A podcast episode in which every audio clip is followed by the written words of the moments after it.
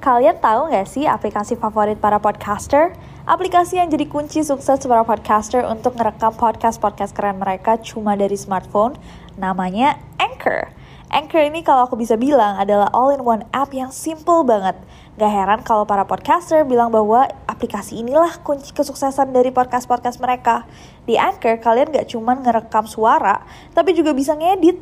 Mulai dari rekaman, isi lagu, efek, dan lain-lain. Yang paling aku suka adalah karena Anchor ini super fungsional.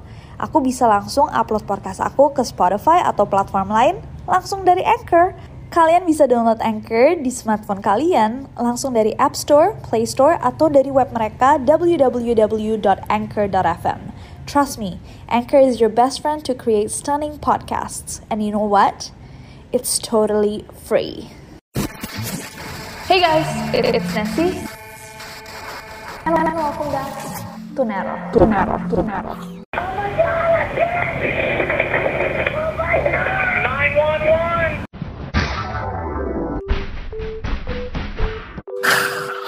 Hey guys, it's Nessie, and welcome back to Nero.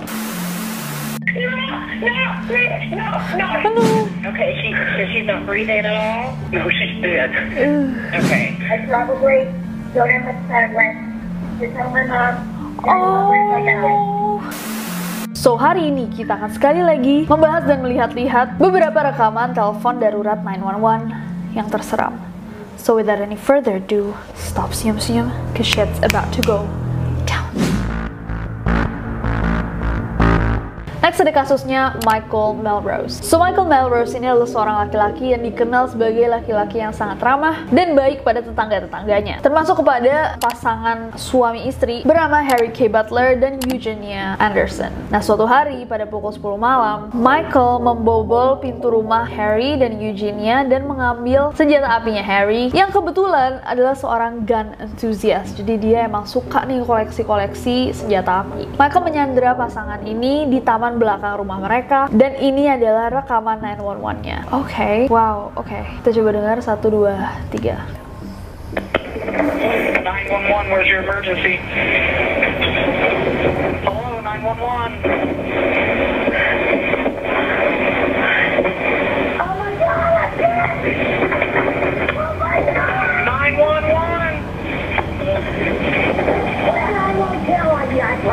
Oh my god! 911! I won't tell on you, I promise. Oh my god. This is Oh, 911. dear. Take your emergency. Hello? Where are you? Rebit. Oh, I can't. Teacher, your 911 will come Yang back up. aku janji gak akan 911, bilang. where are you? Hello? I can't help you if I don't know where you're at, honey. Oh my god. Where are you at? No, no! Where are you? Please don't! Please! Okay. Please don't. I need as many units as I can get for Fairfield Road. Give me the numbers. Oh my god! 2386 Orient. They're not making contact, but somebody's screaming, and somebody's screaming he's got a gun. Oh She's screaming help.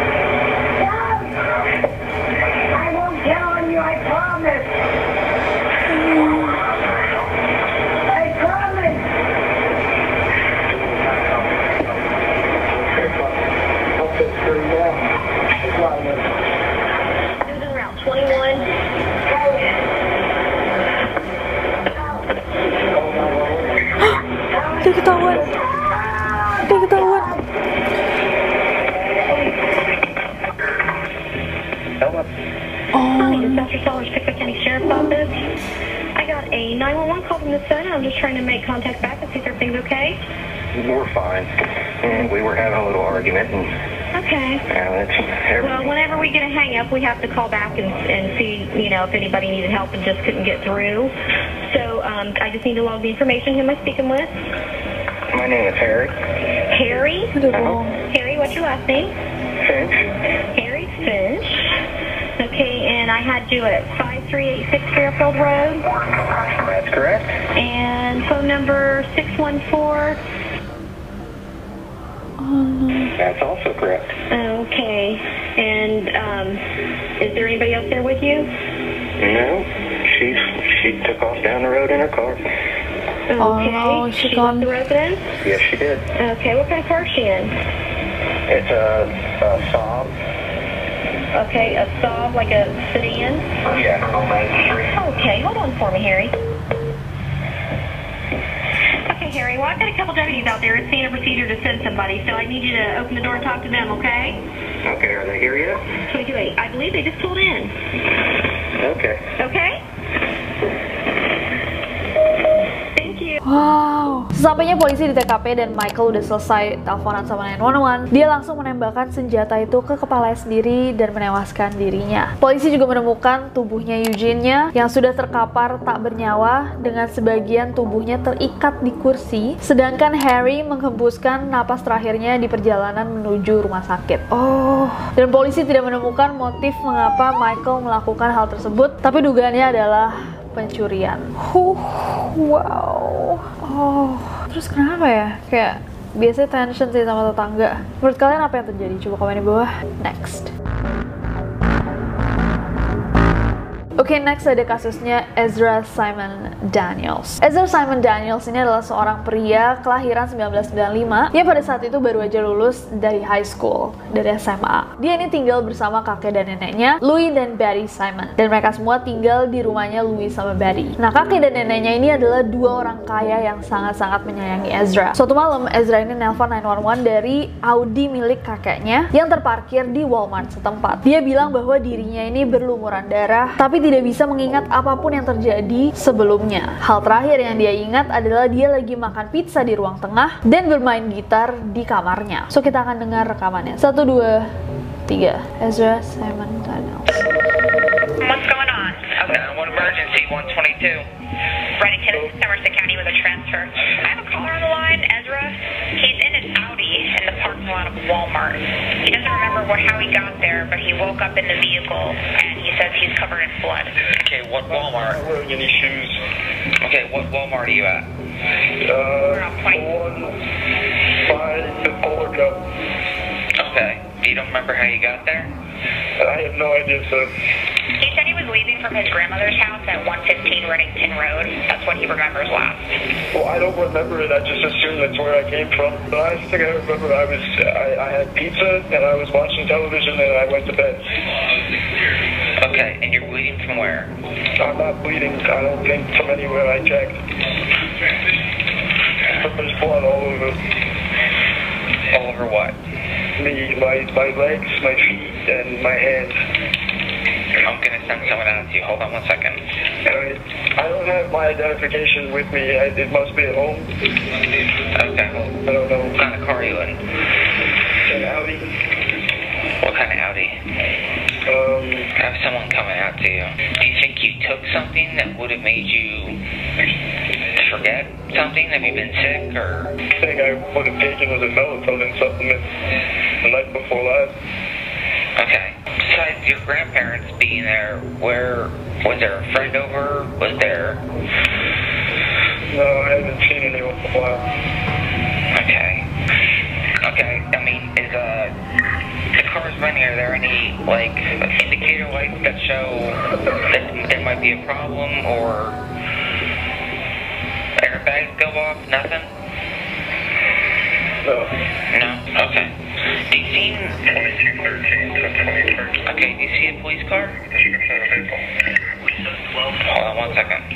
Yeah, I do.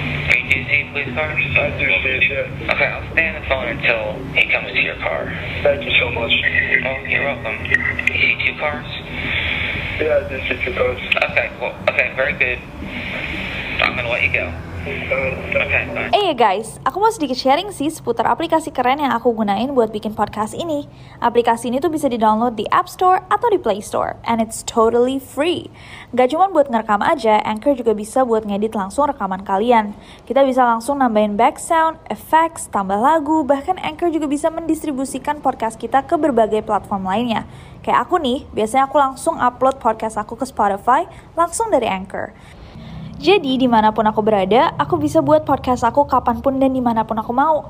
Karena dia super gampang, aku jadi suka banget nih sama Anchor ini. Daripada kalian kepo, mendingan kalian langsung coba aja buat podcast sendiri pakai Anchor. It's super simple and free. Oh, nah seperti yang kalian denger, polisi itu lebih bertanya-tanya kayak, eh kamu tuh diracun gak sih? Kayak kenapa kamu bisa tiba-tiba bangun di dalam mobil, kamu gak ingat apa-apa? Apakah kamu minum sesuatu yang bikin kamu lupa? Ataukah kamu di spike up drinknya, mungkin dia minum alkohol sama temannya dimasukin obat, gimana gitu kan. Tapi setelah diselidiki, didatangi rumah kakek neneknya, ternyata kakek dan neneknya Ezra ini sudah dalam keadaan tidak bernyawa akibat pukulan dari tongkat baseball. Dan I would assume, jadi Ezra ini habis ngebunuh kakek neneknya, panik, mungkin dia habis dimarahin atau gimana, terus dia mencoba untuk mencari alibi, seakan dia sakit mental, kayak dia nggak punya kontrol atas kemarahannya, seakan ketika dia melakukan itu, dia bukanlah dirinya, dia lagi sakit, jadi dia nggak ingat atau gimana, seakan dia punya problem mental gitu. Tiba-tiba dia bangun, ternyata dia sudah membunuh kakek neneknya. Tapi police didn't buy it, dan akhirnya Ezra ini dijatuhi dua dakwaan pembunuhan kelas 1 terhadap kakek dan neneknya tanpa motif yang jelas dan uang jaminan sebesar 2 juta dolar. Namun, Hakim Pengadilan Tinggi Somerset County, Robert B. Reed, menyarankan untuk menjalani pemeriksaan psikiatri di Anne Klein Forensic Center di Trenton untuk membantu menentukan apakah Ezra ini kompeten untuk diadili atau tidak. Jadi kayak apakah dia benar-benar sakit mental atau dia hanyalah acting. Karena actually alibi bahwa kalian itu sakit mental itu adalah salah satu alibi yang paling banyak digunakan orang. Karena kalau orang terbukti bahwa dia sakit mental, dia tidak bisa diadili karena dia tidak kompeten untuk diadili. Akhirnya mereka dimasukin ke rumah sakit jiwa bukan ke penjara gitu. What do you think of this one? Komen di bawah.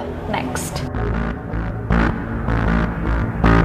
Oke okay guys, dan yang terakhir ini ada kasusnya Odi Sanchez. So, Odi Sanchez ini adalah seorang wanita yang memiliki riwayat penyakit jiwa yang cukup akut. Odi ini udah dirawat inap di sebuah rumah sakit jiwa selama beberapa tahun karena dia bilang kerap mendengar suara-suara di kepalanya. Okay, dia punya schizo berarti ya, kemungkinan besar. Pokoknya Odi ini emang sering banget mengalami delusi dan halusinasi hingga dia harus mengonsumsi obat-obatan sampai akhirnya dia dinyatakan sembuh. Nah, setelah dia sembuh, dia kembali ke rumahnya di Texas Odi ini hamil. Dan selama dia hamil, dia itu menolak untuk minum obat-obatannya. Dia cuma mau berkonsultasi, tapi dia nggak mau minum obat. Akhirnya setelah dia hamil, lahirlah bayi yang dia namakan Scott.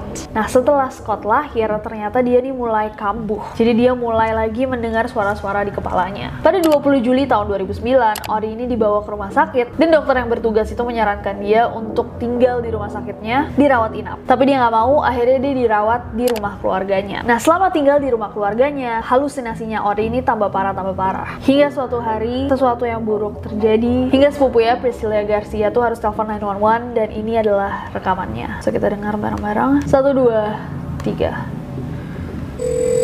Oh my god.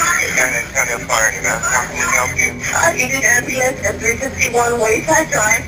351 Wayside. Oh no, it's a baby, it's a baby. It's a house. It's an emergency. And what's going on with the emergency? My sister has she's her, her child. Hello? Hello? Tell me what's going on. Don't talk to the other people. Talk to me. My sister has she's hurt her child. Seriously, hurt her child. How did she do that? What's going on with the child? The baby is dead. She has What did you say? the baby is dead. The baby is dead. old is the baby? She's three weeks, not even three weeks old. Oh, three weeks old? Not even three weeks old. What did she do to him? She stabbed him. There's blood all over the me. I'm going to connect you up to the okay? Stay on line. Alright, go ahead. What is your name? My name is Priscilla. Where is your sister? You said stay be there. I'm sorry, Priscilla, where's your sister? She's just sitting on the couch. She's, she's crazy last night. She was hearing voices. She kept bringing me the baby, and finally she calmed down, and I took her back the baby. And then now I just woke up to her screaming. Okay, how old is the baby? Not even three weeks old. She's, she's, the baby's dead. The baby's dead. She needs somebody come. Okay, there are other ways, buddy, okay? No, no, you know what he said. It's okay, baby. Just stay right there. Yes.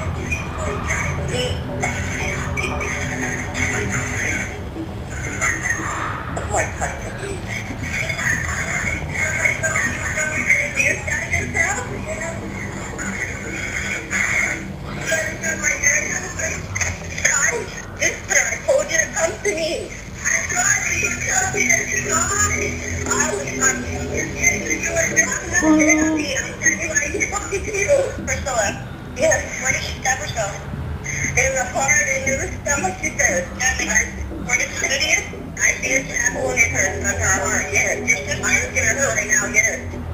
You know? Oh my god. Okay. All right, they're on their way, okay? Oh my god, oh my god. Yeah, I see you. Mama, calm down. Mama, I'm here. I'm gonna be a nurse right now. I'm gonna call her right now. Ma'am? Yes, I'm gonna go ahead and let you go, okay? They're on their way. All right, bye-bye. Oh no. Scottnya belum tiga minggu. Halo. Saat polisi tiba di TKP, mereka menemukan Ori sedang duduk di sofa dengan luka tusuk di bagian dada dan leher sambil berteriak-teriak, I killed my baby, I killed my baby. Aku membunuh bayiku, aku membunuh bayiku. Hah? Dan yang lebih gila dan mengerikan lagi, ternyata Ori nggak cuma menusuk bayinya, tapi juga memakan sebagian otaknya dan tiga jari kakinya. Saat diinterogasi, Ori bilang bahwa dia tidak bermaksud melakukan hal keji itu. Dia cuma mengikuti suara-suara yang ada di kepalanya dan untuk membebaskan iblis yang ada di perutnya. Meskipun demikian, Ori dinyatakan tidak bersalah dan tidak dipenjara karena alasan penyakit mental yang dideritanya. was one of the most gruesome murders ever in San Antonio. And today, Audie Sanchez was found not guilty by reason of insanity after brutally killing her newborn nearly a year ago. Now, she's headed to a state mental hospital. Ya sih, I told you. Tapi kayak dari kasus ini kita belajar bahwa kayak mental illness is no joke. Penyakit mental itu benar-benar harus ditangani. Kalian nggak bisa bilang bahwa itu mengada-ngada atau kalian kurang melakukan hal-hal baik. Dan ketika kita tahu orang yang membutuhkan bantuan, sangat-sangat berbahaya untuk tidak mengarahkan orang itu ke tempat yang benar. Psychologist, psychiatrist, nggak kayak orang-orang lain yang kita tadi bahas. Ori ini tidak melakukannya atas dasar kejahatan, atas dasar kemurkaan, atas dasar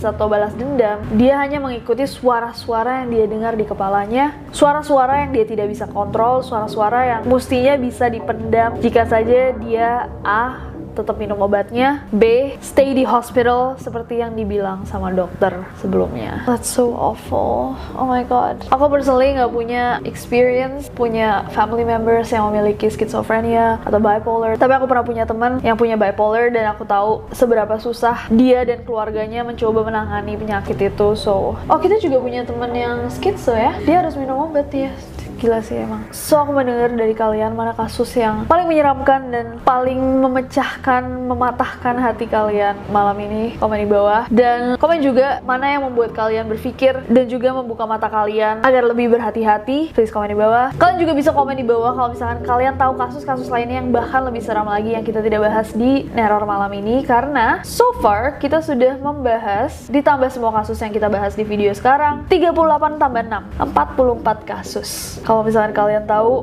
kasus-kasus 911 yang lain, please komen di bawah. Dan komen di bawah, as always guys, ide-ide buat video-video selanjutnya. But other that, I hope that you guys enjoyed this video. Kalau misalkan kalian suka videonya, klik like ya. Follow aku di Instagram dan Twitter, gampang banget. Nesija saja. Dan subscribe ke channel ini juga nyalain notification-nya biar kalian tahu kalau misalkan aku upload video baru. Karena aku gak sabar buat ketemu kalian lagi. Bye-bye.